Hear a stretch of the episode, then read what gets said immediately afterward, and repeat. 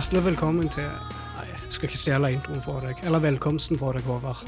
Har du begynt allerede? Yes. OK. Eh, velkommen tilbake til en ny episode av Reformerte lekmenn. Mitt navn er Håvard Handeland, og med meg har jeg, som dere hørte, Thomas Oppstad. I dag skal vi Overskrifta for podkasten i dag er 'kristne klisjeer'. Men før vi begynner å snakke om det, så tenkte jeg du kunne lese et vers i Jakobsbrev. Kan ikke du begynne med det, Thomas? Det kan jeg gjøre. Da er vi i Jakobs brev kapittel 3 og leser fra vers 3. Se, vi legger bissel i hestenes munn for at de skal lyde oss, og vi styrer hele kroppen deres. Se, også skipene, selv om de er store og blir drevet av sterke vinder, blir de styrt av et meget lite ror. Dit styrmannen ønsker. Slik er også tungen et lite lem, men kan likevel tale store ord. Se hvor stor skog en liten ild tenner i brann. Også tungen er en ild, en verden av urettferdighet. Tungen har slik plass blant våre lemmer at den smitter hele legemet og setter naturens gang i brann, og selv settes den i brann av helvete. Når vi nå kommer til å snakke en del om kristne klisjeer, så tror jeg det er en stor sjanse for at vi kommer til å trø noen litt på tærne. Jeg tror det er vanskelig å snakke om kristne klisjeer uten at noen vil bli litt fornærma. Og intensjonen med å snakke om dette temaet er ikke å prøve å fornærme folk. Men intensjonen gjøre det kristne landskapet bevisste på at Jesus er ikke bare vår frelser, men han er også vår herre. Og han er herre over tunga vår. Og skal de ordene vi bruker, være til Guds ære, så må det begynne med at det er sant, det som kommer ut av munnen. Og det er det som er problemet med mange av de kristne klisjeene vi bruker, er at det rett og slett ikke stemmer overens med hva Bibelen sier. Setningen i seg sjøl, altså frasen, klisjeen, kan ofte være en bibelsk sitat, et bibelsk vers, men konteksten det blir brukt i, og, og sammenhengen det blir nevnt, gjør at det blir veldig feil. Og av og til så er faktisk klisjeen bare en ubibelske frase, som du bare kan spørre deg sjøl hva i grunnen betyr det? Jeg har hørt det ufattelig mange ganger, men hvorfor har det blitt så populært å bruke denne frasen? Og det er litt sånne ting vi vil ta for oss nå. Jeg, jeg, vi har fått skrevet ned ganske mange klisjeer. Jeg tviler på at vi får gått gjennom alle i dag. Men vi vil i hvert fall begynne nå og ta for oss en del av de mest normale. Og så vil vi vie òg noen av de neste episodene til dette temaet som heter klisjé. Jeg tror òg det er nyttig før vi begynner å snakke om klisjeer, å ha en liten sånn bakgrunn. Hva er i grunnen en klisjé? Har du noen tanker om det, Thomas? En klisjé. Ord i seg sjøl, ja. Nå, jeg søkte litt uh, rundt forbi på internett for å se hva ordet i seg sjøl eh, betyr. Uh, og jeg fant egentlig en ganske grei definisjon, om det var på norsk ordbok eller noe sånt iallfall. Men der sto det at en klisjé er en uttrykksmåte som gjennom overbruk har tatt sitt selvstendige innhold, frase som ikke gir mer informasjon enn et enklere uttrykk for det samme. Eh, så i andre, med andre ord, altså en klisjé det er et uttrykk eller ja, eh, eh, et uttrykk som blir brukt over lang tid. Og det blir på en måte så innprenta i vår vanlige tale at det mister sin kraft, om man kan si det på den måten. Ja, jeg, jeg, tok faktisk og søkte det opp. Jeg måtte søke det opp, jeg òg. For vi, vi, bruker jo ordet klisjé, men jeg har aldri liksom kom på en veldig spesifikk definisjon. Hva er det i grunnen? Så jeg måtte inn på Wikipedia og se, og der sto det faktisk at ordet klisjé et franskt ord som stammer fra trykkekunsten. Um, og klisjé var faktisk navnet på den plata som enten var inngravert med et bilde eller hadde en tekst på seg, som ble brukt til å kopiere opp mange eksemplar av, et, av en avis, f.eks. Um, så, så, det var i hvert fall der det begynte. Men i dagligtalen i dag så blir det ofte brukt kanskje litt mer i kontekst av at du har sett en film. Og så skal du Ja vel, hvordan var filmen? Nei, det var veldig full av klisjé. Og da er det jo typisk sånn at sant, han, det var en vond, det var en god, det ble et svært dilemma. Dilemmaet ble løst, og de gode seire til slutt. Og veldig sånn klisjé. Du vet hva som kommer til å skje før det skjer. Så det er en måte ordet blir brukt på. Men så har vi jo òg det som vi skal snakke om i dag, at vi har en del klisjeer òg i det kristne landskapet. Det vil si det er en del ord som Vi fikk høre i definisjon, definisjonen som Thomas leste tidligere. Det er en del ord som blir brukt så mange ganger. Og det er blitt veldig normalt å bruke ordene, men det har på en måte mista litt sitt innhold. For det blir veldig sjelden definert hva det faktisk menes med de ordene. Og det, det som jeg syns er litt sånn Grunnen til at jeg har lyst til å ta opp det her temaet, for jeg hører ofte at de her klisjeene blir sitert som noen autoriteter. Er du med? At eh, du kan kanskje komme med noe fra Skrifta, du kan legge ut en passasje, ja vel, hva tenker du om det? Og så blir på en måte hele passasjen trumfa med at du siterer en klisjé. Du siterer denne her frasen, denne setningen her. Og, og, og så har det på en måte blitt til at en koker ned hele kristenlivet sitt til at eh, en har noen sånne fire, fem, seks klisjeer som, som, kristendommen kan oppsummeres med, om du vil. Så, så Ja, altså Du var jo litt innpå det sist gang, altså. Eh, spesielt når du snakker om dette her tilfellet, eller med at hvis du kommer med et, med et vers fra Bibelen, om noe, og så er det noe som kan si på en måte går litt imot uh, vår tankegang om Gud, og da hiver en ofte ut en kristen klisjé. og for å ta et mer spesifikt uh, tilfelle, så tok vi jo litt sist gang med at uh, denne klisjeen med at Gud elsker syndere, men hater synden. Mm. og vi leste jo bl.a. fra Salme 5 at Gud hater hver den som gjør urett. Liksom, og når det blir lest i visse kontekster, så blir gjerne den klisjeen hevet ut som ja, for, en autoritet. Stemmer det. Ja, for han har fått så mye han, han, har fått så mye kraft, for han har blitt sagt så lenge, så ofte, fra så mange talerstoler, i så mange samtaler, at den veier på en måte like mye som faktisk et bibelvers.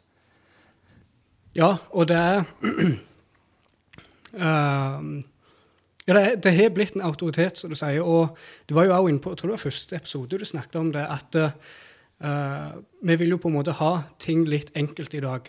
Vi vil at ting skal gå fort og gale, og prøve å koke ned en del bibelske sannheter til enkle setninger. Og uh, problemet er jo da at du får ikke en fullstendig sannhet om Gud. Selvfølgelig, Du klarer ikke å male et eh, fullt bilde om Gud ut av en setning. Uh, men det er jo med disse klisjeene at uh, det som er veldig populært i dag, eller vanlig med klisjeen, det er jo at det omhandler de si, positive siden om Gud. Hans mm. kjærlighet, hans nåde og overbærenhet osv. Mm. Du vil liksom ikke finne uh, klisjeer som i dag handler om Guds rettferdighet eller Guds hellighet. Iallfall ikke som jeg har hørt. Nei, ja. Uh, så det er jo òg en ting. Uh, det, det, er disse positive uh, sidene av Gud. Uh, positive attributtene av Gud, så det blir lagd klisjeer over. og det er jo på en måte det Vi vil jo på en måte, Vi skal bare framholde det positive med Gud i dag. Og hvis vi eh, kommer med et vers der det står at Gud hater faktisk den som utfører synd, mm. så eh, blir det bare til at en fort hiver ut, eh, hiver ut eh, den klisjeen med at Gud eh, hater synd, men elsker synderen. Mm. For eh, ja, skal ikke støte noen. Skal mm. ikke ja, Hvis vi skal liksom ta en Jeg vet ikke om jeg fikk konkludert um, så veldig sist gang. På, liksom, vi, vi gikk gjennom litt den der klisjeen og sa at Bibelen legger det ikke fram helt sånn som denne her klisjeen skal ha det til. Men hvordan blir det mer riktig å uttale den da? Hvis, hvis det blir feil ut ifra Guds ord å si at Gud elsker synderen, men hater synden, så blir det kanskje mer riktig å si ut ifra Guds ord at Gud elsker synderen og hater synderen. At det er et paradoks der som får sin oppfyllelse og får sitt svar på korset, om du vil. Og Der får vi se begge de to sannhetene komme sammen. og Om, om det virker ut som en motsetning, så, så ser vi hvordan de to sannhetene kan, kan um, være parallelle når vi ser på korset. Det er ikke plent det at den frasen med at Gud elsker syndere men hat, og hater synden, at det i seg selv er feil. Men det er jo hva implikasjoner videre det får. Mm. Altså hva uh, hva tanker videre får om Gud ut ifra dette her. Mm. Uh, ja, for det er faktisk et verdensbilde bak alle de klisjeene. Det har jeg òg tenkt litt på. At det kommer jo ifra en plass. Det kommer ifra en overbevisning en har som en kristen, eller en bekjennende kristen. At, at uh, det ligger et helt læresystem bak alle de her klisjeene. Og, og, det tror jeg vi kommer til å se mer og mer av når vi nå går gjennom de. At um, det kommer ifra et bilde en har gjort seg av av og om Guds ord jeg tenkte bare jeg ville litt tilbake til det her bibelverset du leste til å begynne med, tunga. Litt for Det blir på en måte litt av bakgrunnen for om vi vil snakke om dette her. For vi vil gi Gud ære med alle våre lemmer. Han er herre over alt det vi er. Vi, vi er kjøpt med en høy pris. Vi eier ikke lenger oss sjøl, men han er kjøpt dere. Han eier oss. Og vi er kalt til å ære han med det vi har fått, og med de vi er. Og det må begynne med dette her lille lemmet sant som styrer, som kan gjøre så mye godt og så mye vondt. Og begynne med tunga. Og jeg tenker på eh, Vi som mennesker er skapt i Guds bilde. Og vi som kristne er kalt til å være Kristi ambassadører. Med andre ord så representerer vi Han. Vi er også kalt til å imitere Kristus. Og når vi da lyver, så kaller vi Gud en løgner. Vi tenker fort at synd er gal, for det får vonde konsekvenser for omgivelsene. Ja, og det, og det kan det gjøre, men eksempel at du, du stjeler noe, og folk rundt deg blir leie. Eksempel. Du sier et stygt ord til noen, og du, noen blir såra. Ja, det, det, får vonde konsekvenser for de rundt dere, men det er ikke primært derfor synd er galt. Det er ikke derfor det er galt å lyve pga. folk blir lei seg. Det, det, er ikke den primære årsaken. Um, men det er ikke derfor det er galt å stjele. Det er galt å stjele, for Gud er ikke en tyv. Det er galt å være utro mot sin kone, for Gud er alltid trufast. Alt det vi gjør, skal gi et rett speilbilde av hvem Gud er. Og igjen, når vi lyver, så kaller vi Gud en løgner. For vi er skapt i hans bilde og satt ned her på jorda for å representere han. Det tror jeg er veldig viktig, at, at vi tar med det. Så David også sier i Salmene 50, sier han, mot deg og mot deg alene har jeg synda. At, at, vi forstår det at, at um, Ja, forstår alvoret av, av synd på den måten. At da misrepresenterer vi Gud. Um, bare tenkte litt videre, altså, for dette i seg selv er jo jeg vil si, ganske viktig uh, tema å ta opp. Og um, det har jo med altså, Mye av klisjeene i seg selv det handler jo om Gud og hans vesen attributter. Og det er viktig å, uh, å snakke rett om Gud. Uh, og hvorfor? For han er den evige Gud. Han er skaperen, han er lovgiveren. Og, altså, han er Gud, og vi er, han, vi er skapningene. Mm. Vi er bare mennesker som uh, Vår rette respons er å tale om Gud på rett måte. Um, og jeg, jeg, husker David Pawson sa, sa noe ganske bra en gang. Han snakket litt om uh, teologi, hvorfor teologi i seg selv er viktig. Uh, for hvis du koker det helt ned, så er det jo snakk om uh, himmel eller helvete. For altså, hvis du, får, uh, hvis du presenterer et feil, feil evangelie, feil teologi på evangeliet, så får du ikke, en, får du ikke Bibelens frelser. Da får du ikke rett til Jesus, da får du ikke rett til frelseren. Så at teologi og Ja, teologi i seg sjøl er meget viktig. Ja, for, for vi, vi, snakker ikke om det her bare for vi vil hakke på andre kristne. Noen kan kanskje få det inntrykket der at ja, kan vi ikke bare være venner? Sant? Hvorfor skal vi holde på å kritisere hverandre? og sånn og sånn? Men det handler om at vi, vi, vi vil ha et høyt syn på Gud. Vi vil ha et høyt syn på Hans ord. At Jesus han er kongenes konge, han er Herrenes herre, han er Herren vår som kristne. Og han må få lov å regjere i vårt liv med sitt ord. Og, og det kom i grunnen fra en plass sjokket, meg og deg, Thomas. Grunnen til vi vil gjøre det her, for vi er nidkjære for Gud. Vi er nidkjære for Hans ord og at Gud blir representert på en rett måte. Og det er jo det som er bunn og grunn feilen med mange av de her klisjeene, at det maler et bilde av Gud som ikke er sant, ut ifra Guds ord. Som kristne så er Jesus vår Herre, og Hans ord er vår høyeste autoritet.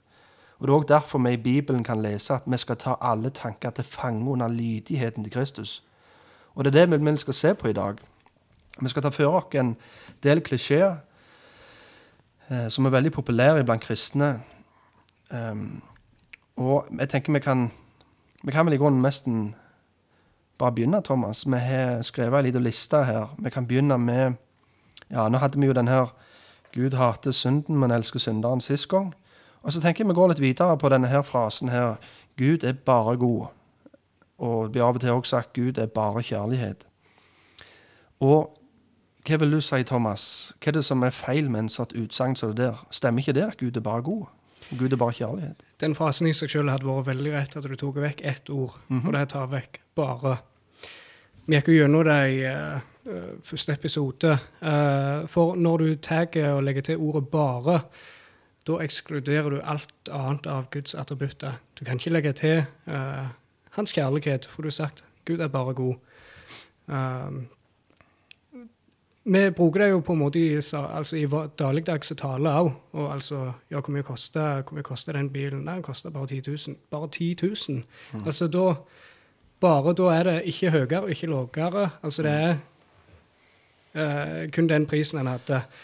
Uh, så det er når du legger til ordet 'bare', så ekskluderer du og uh, du isolerer og favoriserer uh, viss aspekt. Det er jo der, du, der kommer du inn på det viktige. det er det er faktisk en favorisering av visse aspekter av Gud.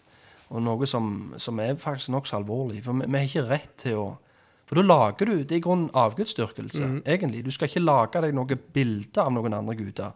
Og det bildet som er rett, det bildet av Gud som er rett, som beskriver han på en rett måte, det er totaliteten av Guds ord. Det er Guds fulle råd. Og når en da fokuserer kun på de passasjene sånn som Johannes, eh, første Johannes brev snakker om Gud er kjærlighet. samfunn. Og så er det kun det en fokuserer på, og det er kun det en vil snakke om, og kun det en vil synge om. Altså, Gud gjør alt til sin ære.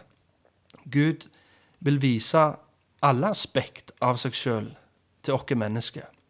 Og han fortjener å bli prist ikke bare for hans kjærlighet, men også for hans rettferdighet. Og Da er det jo interessant å tenke på når du leser gjennom åpenbaringsboka. Kanskje dere kan gjøre det, dere som hører på neste gang dere går gjennom åpenbaringsboka. Strek unna alle sangene i åpenbaringen. Hva er det som regel det blir sunget om? Hva er det vi som den hvite skaren eller englene som er i himmelen, hva er det de priser lammet for?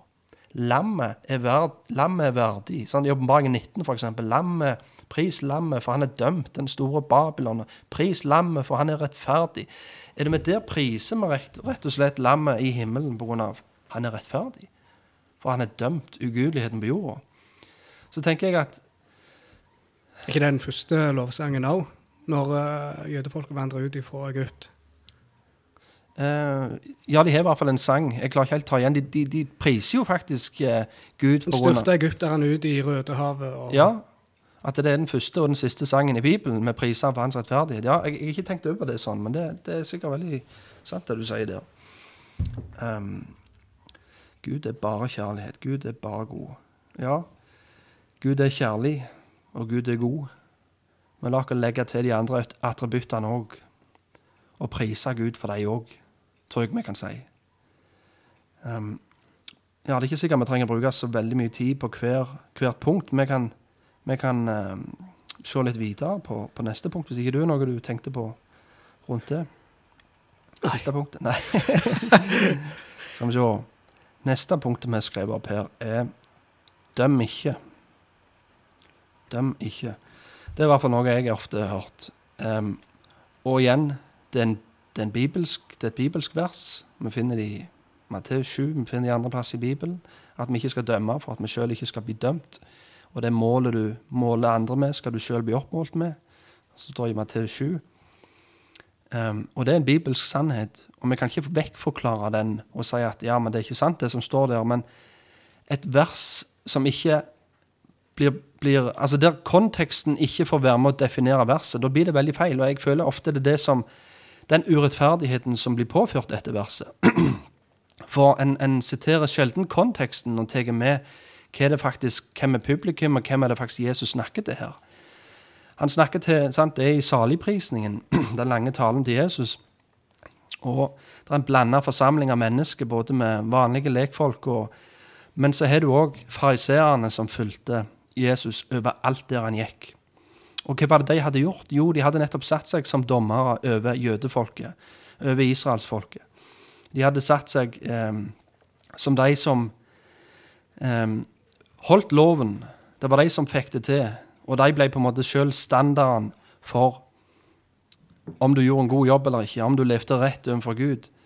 Og så kommer jo Jesus og viser de og hever standarden enda høyere. Så sier han dere har det kanskje greit i det ytre. Han kaller de for kalka gravstøtte, men så sier han innvendig er det bare død. Samtidig. Det var sånn han beskrev det her fariseerne. Og så sier han med det målet dere måler opp andre med, den standarden dere setter for andre, ja, den skal dere sjøl òg bli holdt til. Og så går han videre og sier men den standarden som dere skal bli holdt til, det er ikke bare en ytre standard.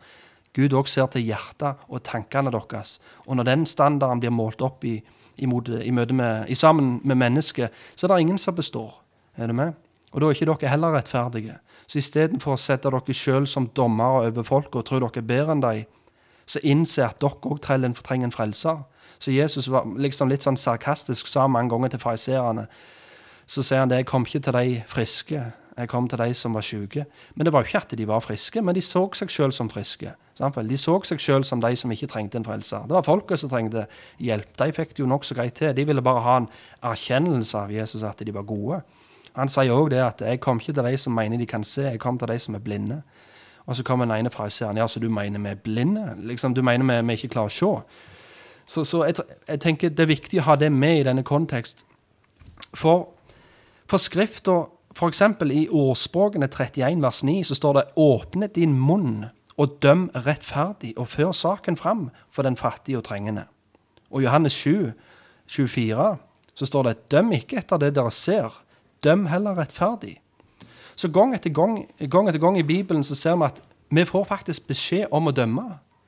Så hvis en da bare siterer Matteus 7, døm ikke, samtidig, da blir det igjen òg til at vi ikke lar hele Guds ord få lov, få lov å forme teologien vår, men vi bare plukker et vers her og der er du med? Altså misrepresenterer vi faktisk budskapet i Bibelen.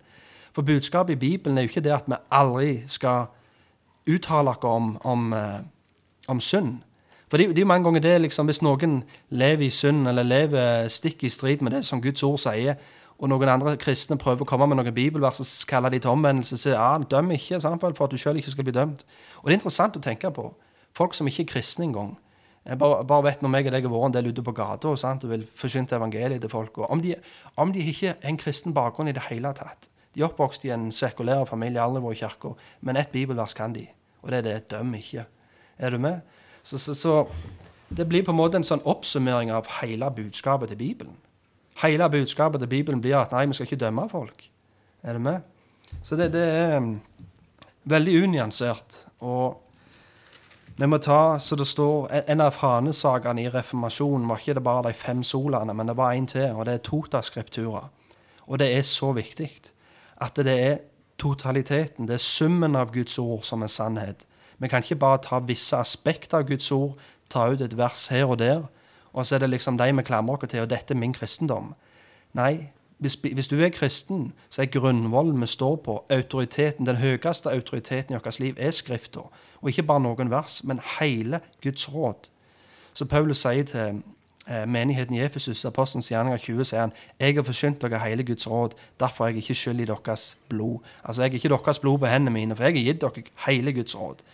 Og det er det òg vi som kristne burde streve etter. Og vi, vi burde bli funnet i ferd med det og sette dere inn i hele Guds råd.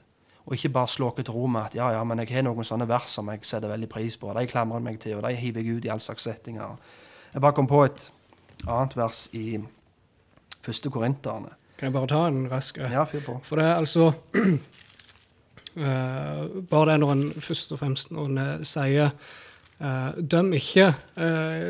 I den sammenhengen da så er det jo Hvis noen sier det til deg, da kaller de deg for en dømmende person og har falt en dom på deg. Mm. Så det blir jo litt misvisende i seg sjøl å bare hive den uten noe eh, forståelse for hva det egentlig uh, betyr.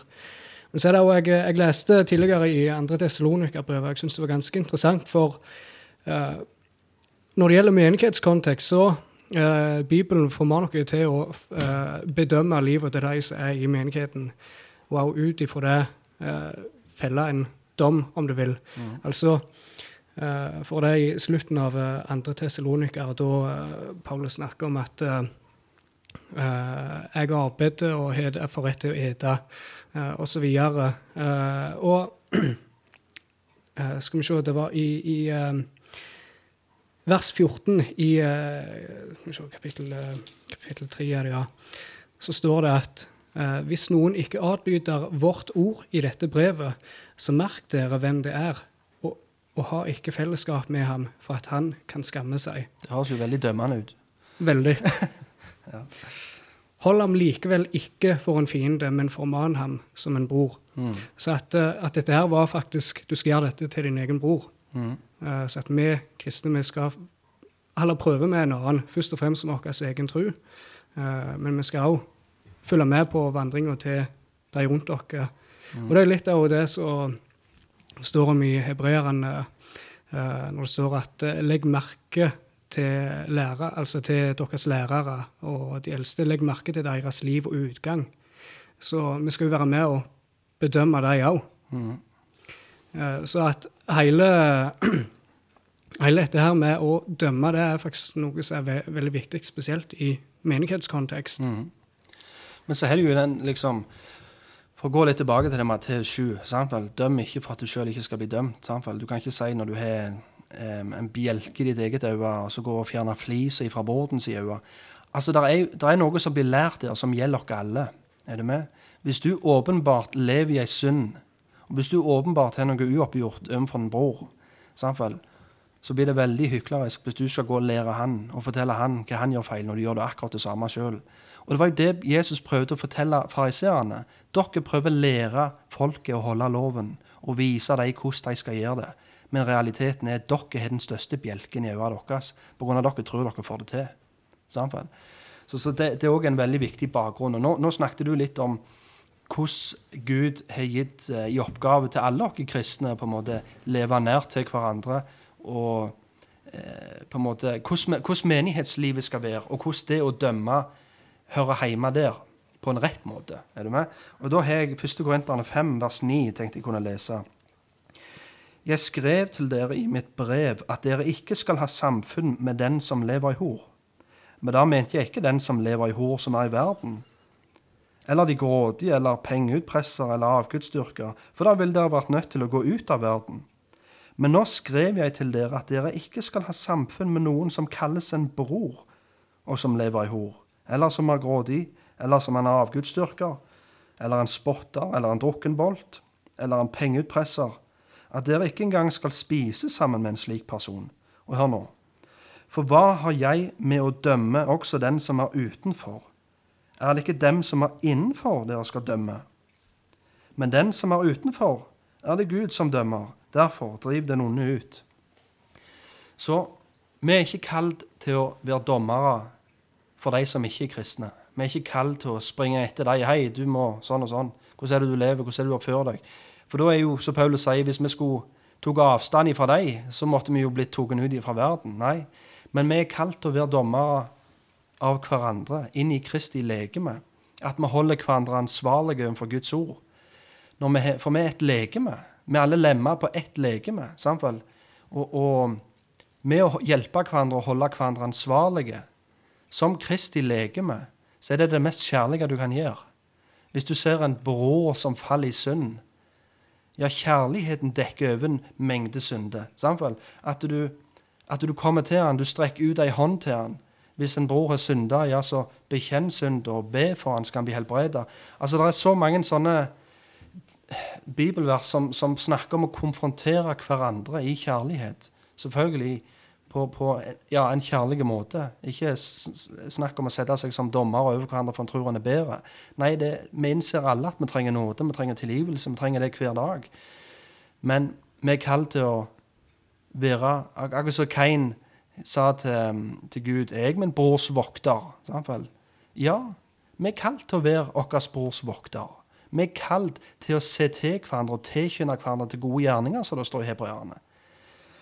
Um, og videre her òg At ikke noen holder seg vekke fra forsamlinga. Ja.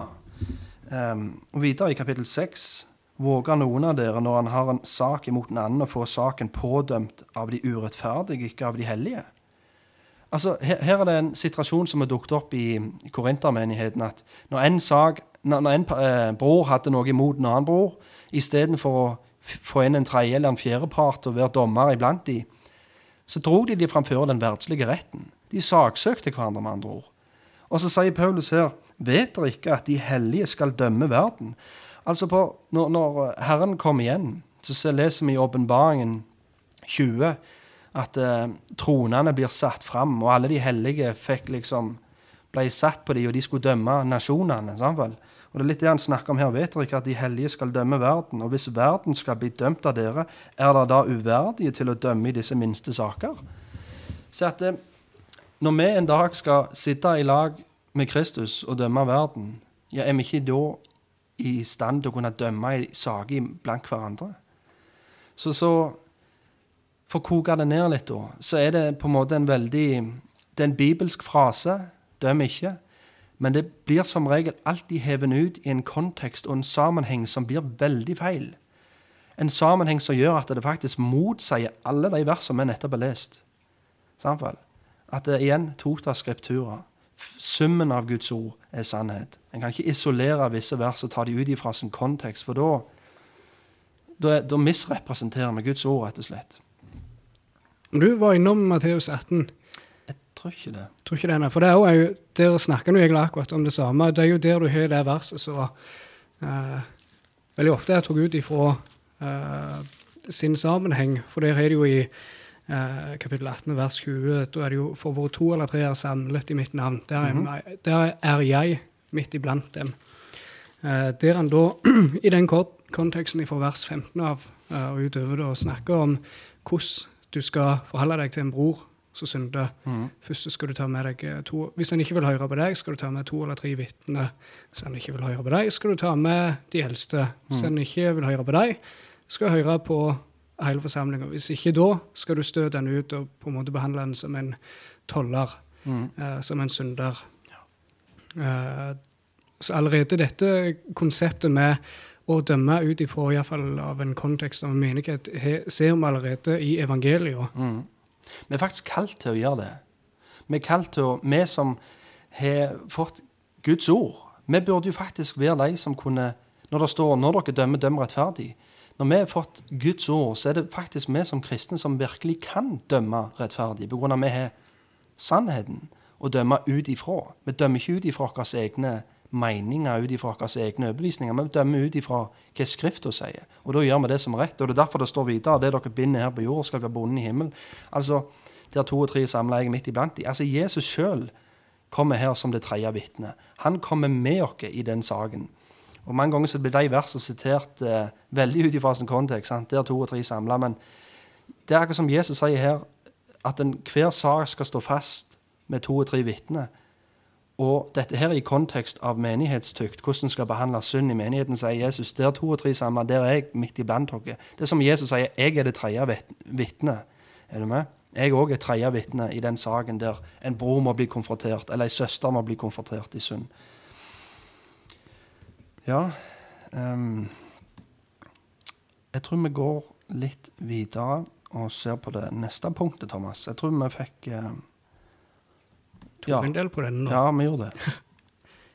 Neste Bare en rask innskytning av Ja. Eh, vi skal jo òg bedømme det vi hører, og det er jo det når folk hører på oss nå, de episodene, kommer folk til å felle en dom over om det vi har sagt, er rett. Ja, og, og hvis denne her frasen er rett, og klisjeen 'døm ikke', så, så blir det jo veldig feil av dere å, å være uenige i noen av tingene med det vi, vi sier nå, for da dømmer dere. Ikke døm. Så ja, vi går videre, Thomas. Neste punkt er 'du er god nok akkurat som du er'. Den har vi hørt mye. Den har jeg hørt veldig mye. Mm. Du er god nok akkurat som du er. Og det høres jo for så vidt veldig stimulerende til mitt selvbilde, og jeg kjenner den gir veldig godt. Så jeg føler i grunnen det at da er det vel ikke noe jeg trenger å forandre på. Da kan jeg vel jeg bare leve akkurat sånn som jeg vil, og så kan jeg bare fortsette det livet jeg lever, og jeg får komme til himmelen. og Jesus kan toppe livet mitt. ja, for jeg er jo god nok akkurat som jeg er. Det var jo sikkert derfor også Jesus ville komme ned på jorda for å dø for meg, for å se på meg. Jeg er jo god. Jeg tipper han så ned når han satt i himmelen på jorda, og så så han Se hvor god Håvard er. Han er jo god nok akkurat som han er. Og derfor trenger jeg å Altså, ser du her? Her, her, her skårer det litt. Hvis jeg er god nok akkurat som jeg er, hvorfor måtte Jesus bli sendt til jorda for å frelse syndere? Det er jo for at jeg nettopp ikke er god nok akkurat som jeg er.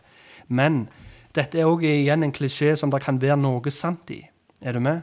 Men av og til så føler jeg han blir bare hevet ut som en brannfakkel uten å forklart. Men jeg vet i hvert fall at hver gang jeg hører denne, her, så er det sånn Hva mener du med det?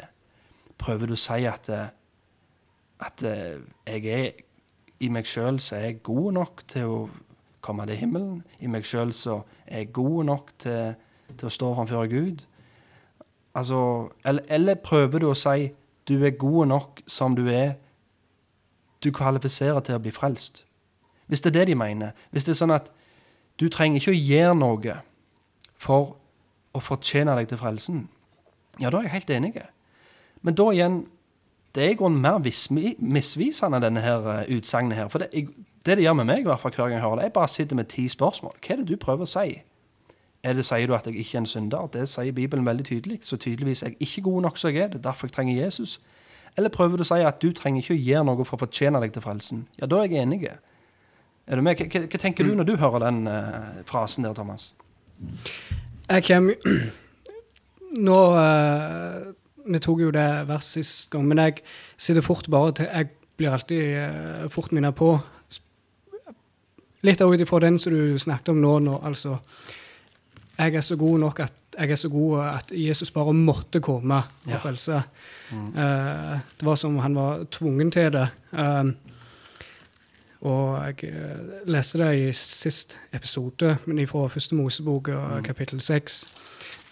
bare fordi du sa jo det det var, så, var, det som om Gud så ned på jorda og så oss mennesker og så at vi var så gode at uh, han kunne ikke la være å frelse oss. Uh, så tenker jeg på der som det står i uh, kapittel 6 vers 5. Da sa Herren at menneskets ondskap var stor på jorden, og at hver hensikt i hans hjertes tanker bare var ond hele dagen. Det, er seg selv, det verset i seg sjøl er jo ganske motsatt av at du er god nok akkurat som du er. Mm. Um, jeg bare skyter inn et vers der. Dårene har sagt i sitt hjerte, det er ingen Gud. De er fordervet og har gjort avskyelige gjerninger. Det er ingen som er god. Fra himmelen skuer Herren ned på menneskenes barn for å se om det er noen som har forstand, noen som søker Gud. De er alle veket av. Sammen er de blitt fordervet. Det er ingen som gjør godt. Nei, ikke en eneste. Salmene 14. Det er jo jeg gjentok igjen i Romeren 3. Mm.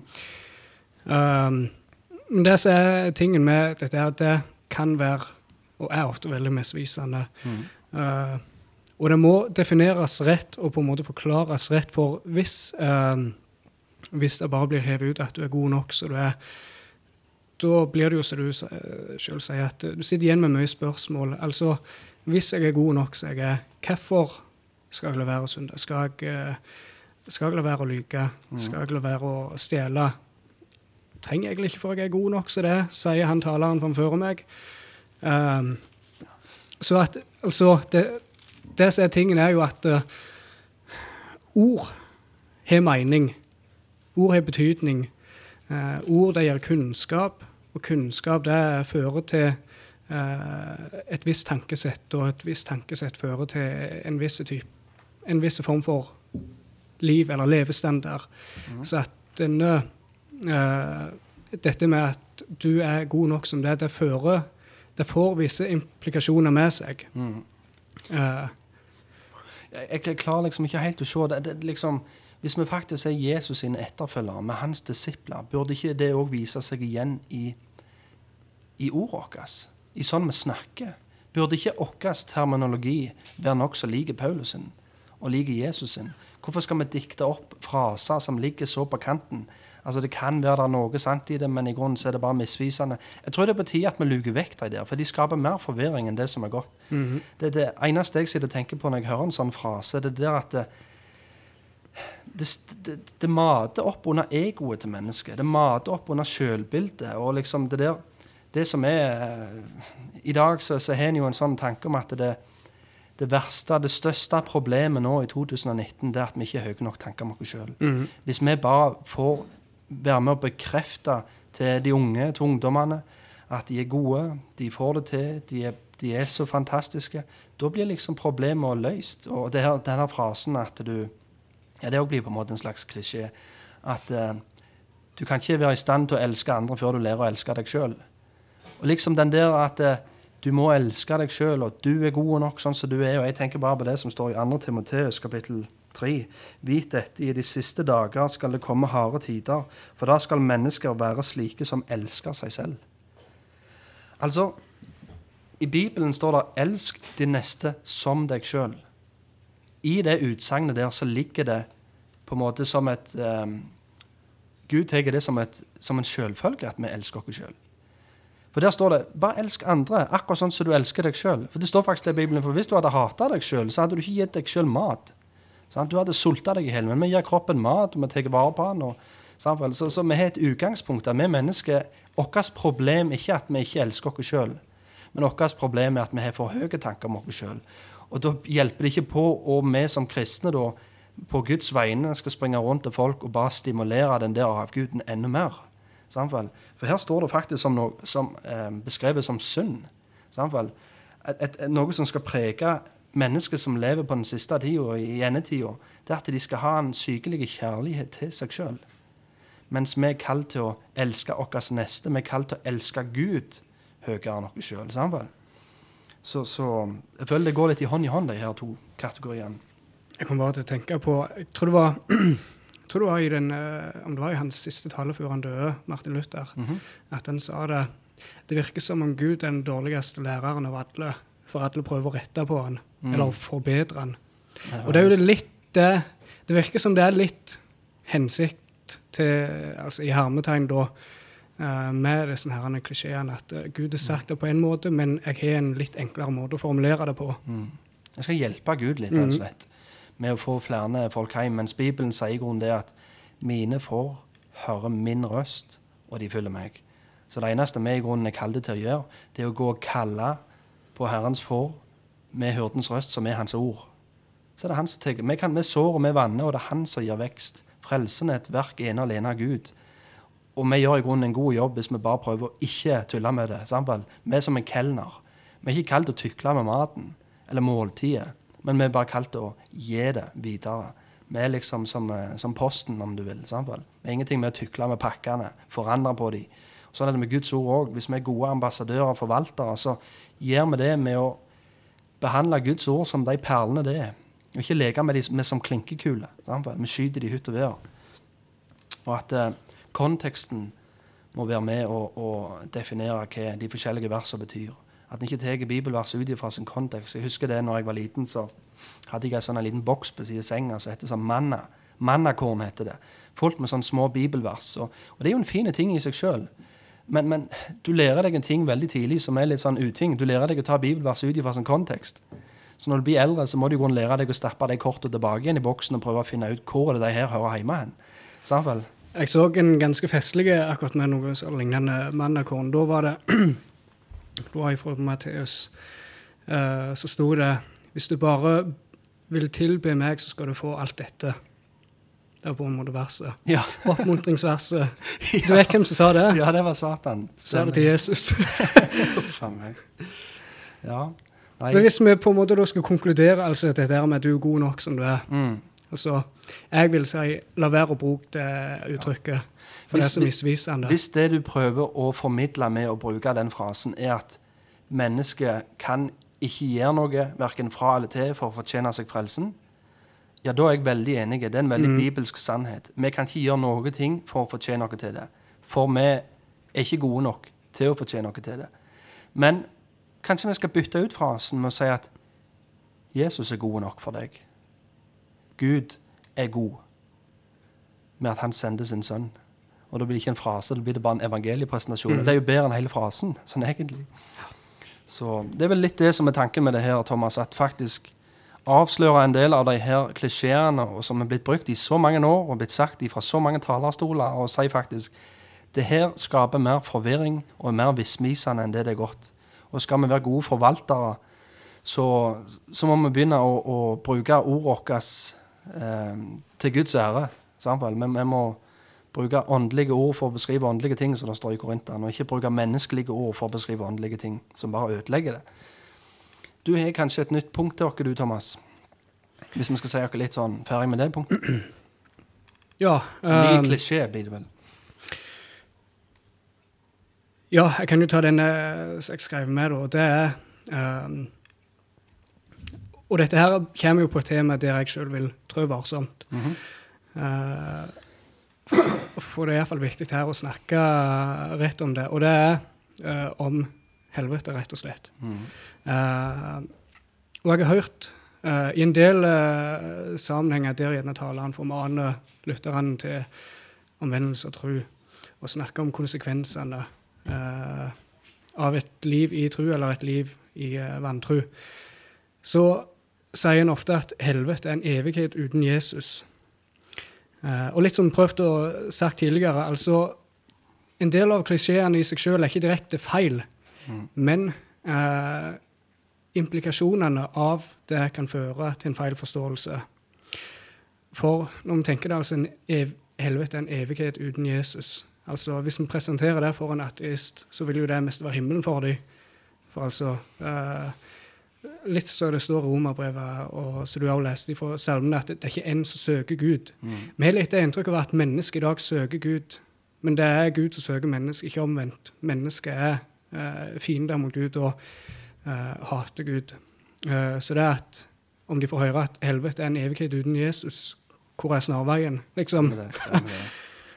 Eh, så her må jo ting defineres og på en måte eh, forklares litt. For det er jo, når en tenker helvete er en evighet uten Jesus, så kan jo eh, en del spørsmål begynne å komme opp når en leser f.eks. i Åpenbaringen 14 eh, vers 9-11, der det er snakk om eh, dyrets merke. Der det eh, står om de som, teg, eh, de som tilber dyret og dets merke. Så står det at uh, eh, fra vers 10 av Da skal også han selv drikke av Guds vredesvin, som blir utøst ublandt i hans vredesbeger. Han skal pines med ild og svovel foran de hellige englene og foran lammet. Hvem er lammet? Jo, det er Jesus. Um, eh, med sine hellige engler. Eh, jeg hører, eller jeg leser et lite innlegg av John Piper der han tok uh, gjennom eller des, eh, blant annet dette verset, da. Eh, det, altså, det å De som er i helvete, vil på en måte pines framfor eh, lammet. Og altså når det gjelder eh, at, Sånn som det står at de skal pines med ild og svovel eh, Det er ikke nødvendigvis at det er bokstavelig talt. Vi vet ikke om flammene er ekte eller ikke. Eh, men jeg husker sånn så en uh, sier til en Broken Case sier at de som er der, skulle ønske at det var det. Um, de som ender i helvete, de vil òg i en evighet være framfor lammet, og de vil se på han som de har fornekta hele sitt liv. De vil, eh, de vil få oppleve Guds rettferdige dom over deres liv pga. deres vantro, pga. deres synd. Um, og så er det jo òg dette aspektet med at uh, Gud han er jo allestedsværende. Mm.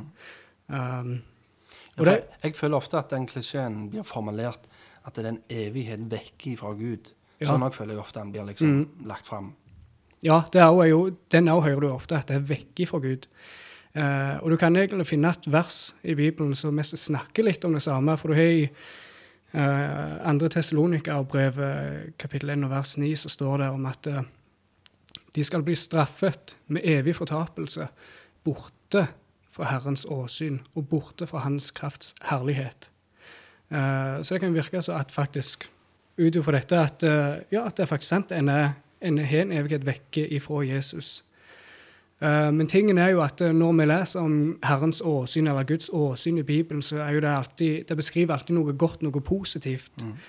Um, eh, du har for eksempel i, i salme uh, Salme 17 uh, og vers 15, der står det Men jeg, jeg vil skue ditt åsyn i rettferdighet. Når jeg våkner, skal jeg mettes ved din skikkelse. Så du har det at eh, du får oppleve Guds åsyn.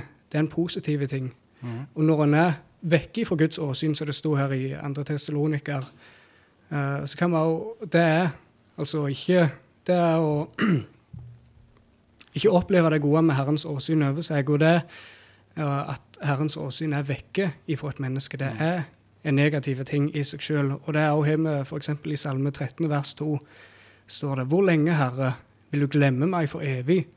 Hvor lenge vil du skjule ditt ansikt for meg? Eh, så her ser vi at eh, måte, Og det å se Guds åsyn, det betyr at du opplever en rik glede. Mm. Mens at du ikke ser det, det betyr egentlig bare nød og ulykke. Ja, altså, altså Vi som er i himmelen, vi får lov å glede oss og, og være, være i lag med alle aspekter av Gud. Vi får hele hans fylde. Mange ganger så blir Herrens herlighet det blir overskrifter i grunnen for alle hans attributter. Så han er til stede i, i himmelen i lag med oss med, med alt av seg sjøl. Mens er det noen aspekt av Gud som de i fortapelsen ikke får nyte godt av. De får ikke se Hans herlighet. De får ikke erfare Hans nåde, tilgivelse barmhjertighet. Samtidig. Men jeg tror allikevel fortapelsen blir beskrevet som Guds vrede. Samtidig. Så han er til stede på et vis i fortapelsen med sin vrede, med sin dom, og der han utøver sin rettferdighet i all evighet. Sammen. Så det er visse aspekter av Gud som, som er til stede i fortapelsen. Ja, for det er jo Du tok jo litt tidlig Det var vel siste episode du tok det til dette med litt det kan vi kalle det tegnefilmsynet med på himmel og helvete. At Gud regjerer i himmel, og Satan regjerer i helvete. Mm. At det er på en måte Satan som utfører straffen. Uh, og når en tenker over, så gir det jo ikke mening, for altså de som blir sendt til helvete, det er pga. synd. Mm. Uh, er det da imot Satan vi har synda? Nei. Satan er jo den første så altså Satan uh, Jeg mener helvete ble jo skapt for Satan og hans engler. Mm. Um, så at det er det er ikke pga. at vi har synda imot Satan, grunn, men det er pga. at vi har synda mot Gud, at uh, vi fortjener helvete. og mm. um, Så hvis du skal liksom Hva skal du si um, hvis, du skal, hvis, du skal, formulere det på en annen måte, en mer bibelsk måte, hvordan vil du rette opp i klisjeen, om du vil.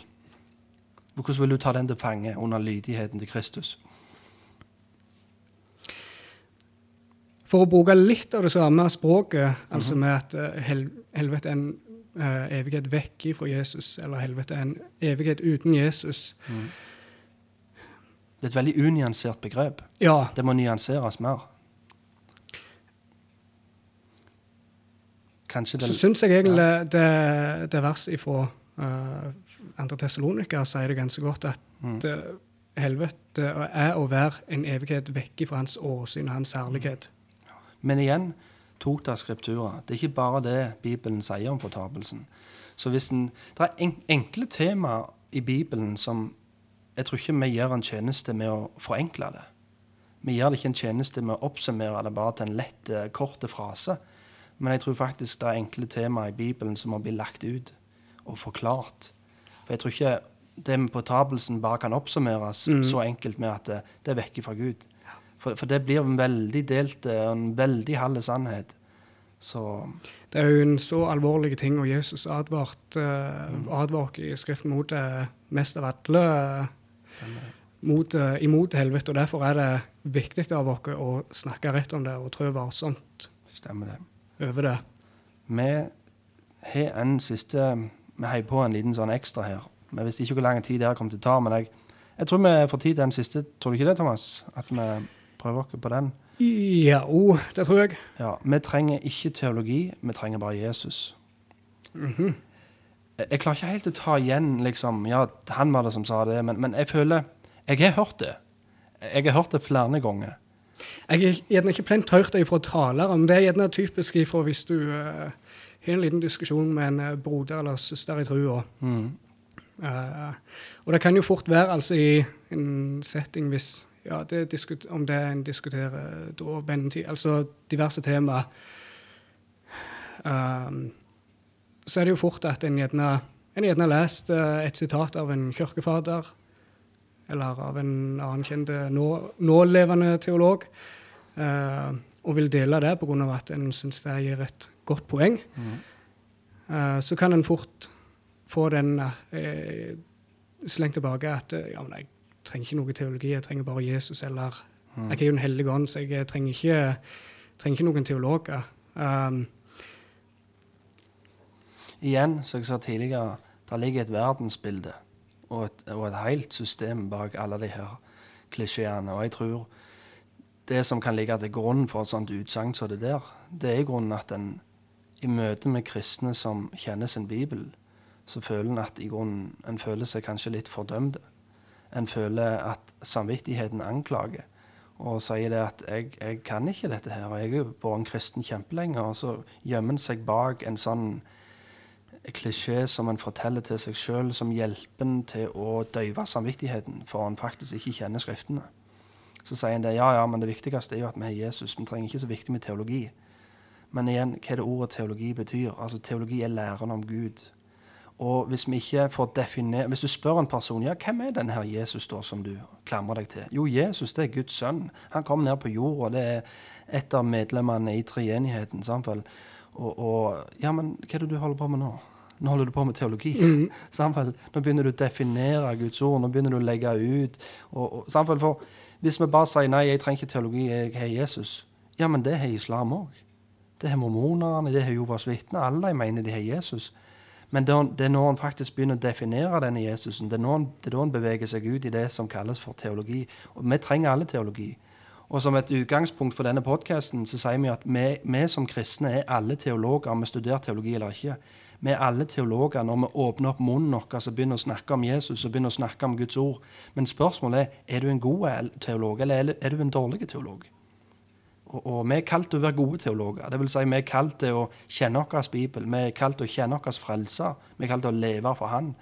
Og når vi snakker om Han, så må det være Guds ord som kommer ut. Det må være Bibelen som har malt vår forståelse av hvem Han er, og ikke våre egne følelser og tanker. Som, nå er vi litt tilbake på den første klisjeen. Nei, Jesus han er, han er bare kjærlighet. Ja, det er avgudsdyrkelse. For han er ikke bare det. Han er et helt aspekt av forskjellige attributter som fortjener pris og ære. Og, og hele Skrifta legger ut for oss hvem han er. Og, så sånn å prøve å simplifisere Jesus, prøve å simplifisere Gud, prøve å gjøre Bibelen så enkel at det faktisk blir feil. At det faktisk blir eh, alvorlig feil. Det tror jeg ikke vi, vi, vi må gjøre. Det kommer jo, altså Dette uttrykket kommer jo litt av i forhold til hva syn en har på ordet teologi i seg sjøl. Mm -hmm. En forbinder det bare med, med svarte bokstaver på hvitt papir. Liksom. Mm. Det, det, er ikke noe åndelige, uh, mm. åndelige, åndelig aspekt over seg. Um, men at det ja, helst det bare er teori. En ofte forbinder det bare med teori. Det er ikke noe åndelig liv over det. Men uh, så er det jo all type teologi om det enten er god eller dårlig teologi, så vil det produsere en viss måte å leve på, et visst verdensbilde. Mm. Um, og bare det, altså Teologer i seg selv er en velsignelse. De som faktisk vier sitt liv til å studere til å studere Skriften, til å studere oversettelse og kirkehistorie osv. Det er jo en velsignelse til oss. Ja, det står jo det i Fesene at altså, lærere er på en måte en gave til menigheten. Akkurat som apostlene var en gave, akkurat som evangelist.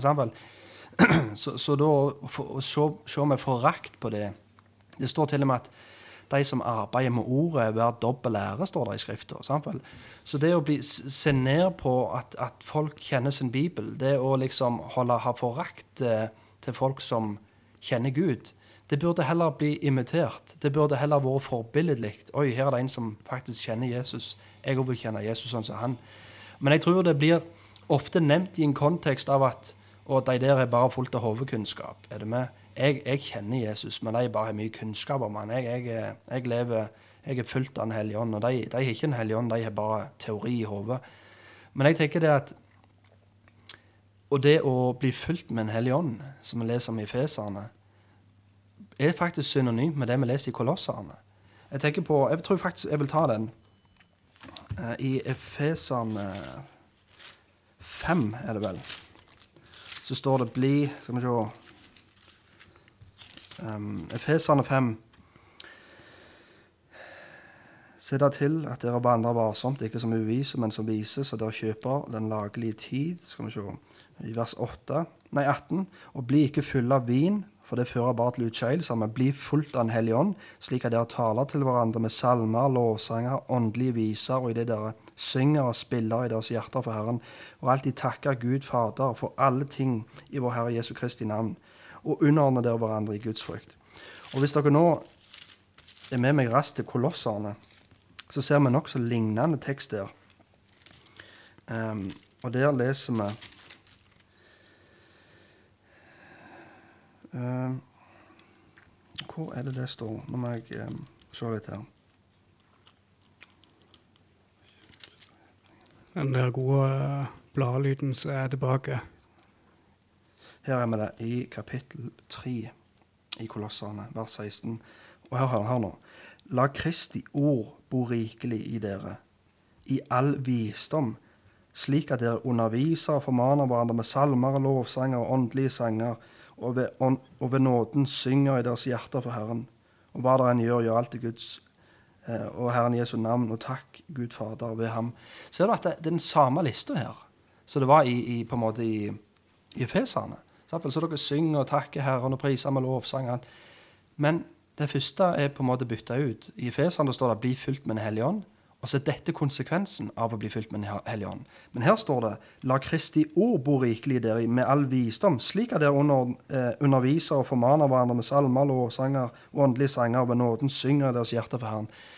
Så, så, det å på en måte skille det helt ifra hverandre og si det at det å bli fylt med Den hellige ånd, det er noe sånn svevende, liksom. Det er, det er en følelse du får. Men her virker det veldig ut som ut ifra Skrifta at det å bli fylt med Den hellige ånd er synonymt med å fylle seg med Guds ord. For det, det gir de samme fruktene. Det gir de samme fruktene som vi ser i Efesene 5, og som vi ser i Kolosserne. Så, så, å skille de to tingene fra hverandre blir veldig feil. Jeg tenker en, Når jeg ser en åndsfylte mann, det er en som åpner opp munnen sin og snakker om Gud. Altså, skal, Det som fyller hjertet ditt, det kommer ut av munnen. Og hvis Jesus har fått stort rom i ditt hjerte, ja, da skal du ikke snakke lenge med den personen før han må snakke om Jesus, snakke om Guds ord. Det er en åndsfylte person som, som ikke bare snakker om det, men òg der det vises igjen i det livet han lever. Vi trenger ikke teologi, vi trenger bare Jesus. Jeg Nå har vi jo fått tatt noen, og det var litt jeg hadde sett for meg med dette. her. Vi har skrevet ned en del klisjeer, men får ikke tatt alt på en episode. Ja. Men som en overgang, da, så kan vi mest si altså ut ifra den siste vi tok nå mm -hmm. um, Så har vi jo òg en klisjé som vi kan ta i en seinere episode. Ja. Og det er jo at bokstaven slår i hjel, men ånden gir liv. Stemmer det. Skal vi gi noen sånne teasere på de, på de neste um, klisjeene vi tenkte å ta opp? Bare så dere vet litt hva som, hva som ligger føre.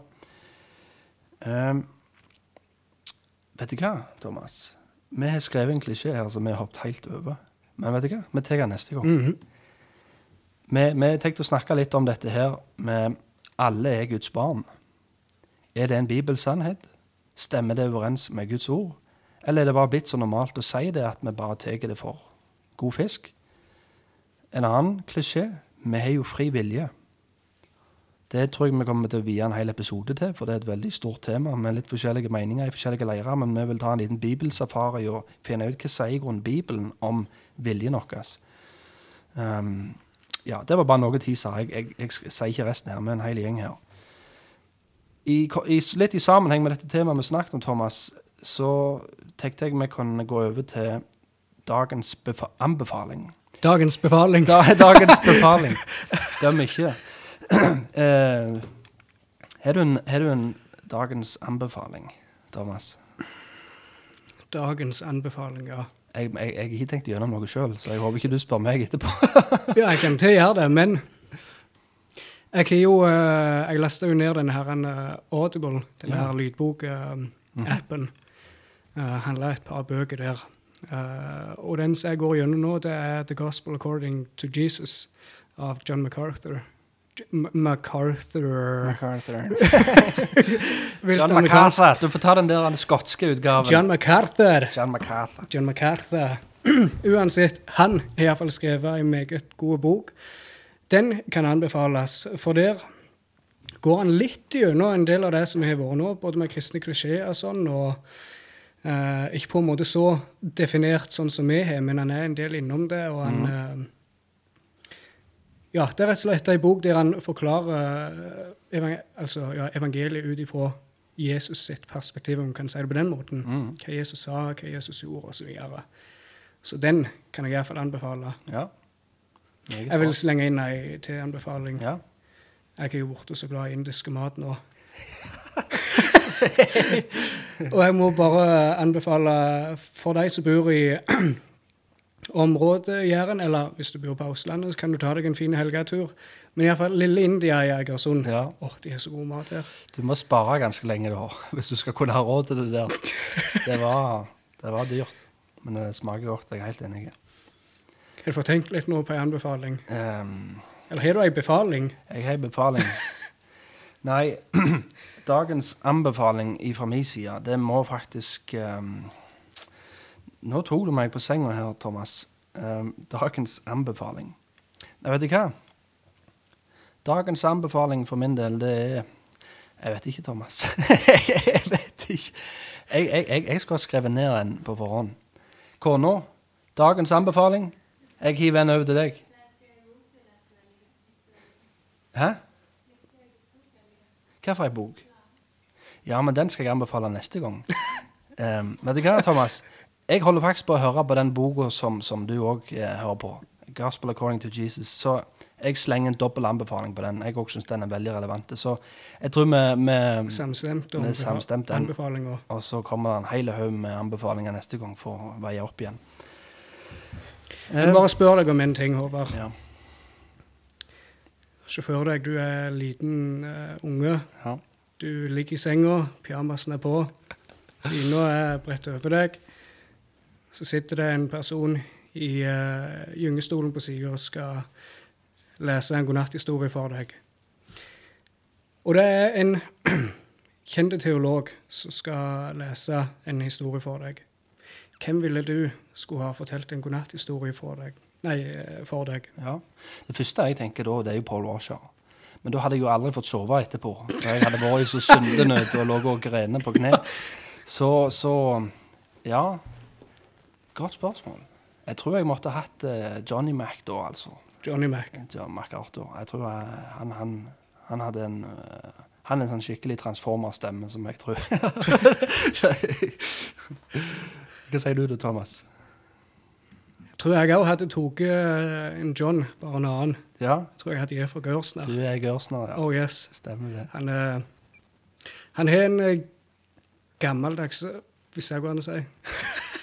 Gammeldagse stemme. Gammeldags stemme. Nei, men uh, til tider behagelige stemme, og av og til så klikker han òg.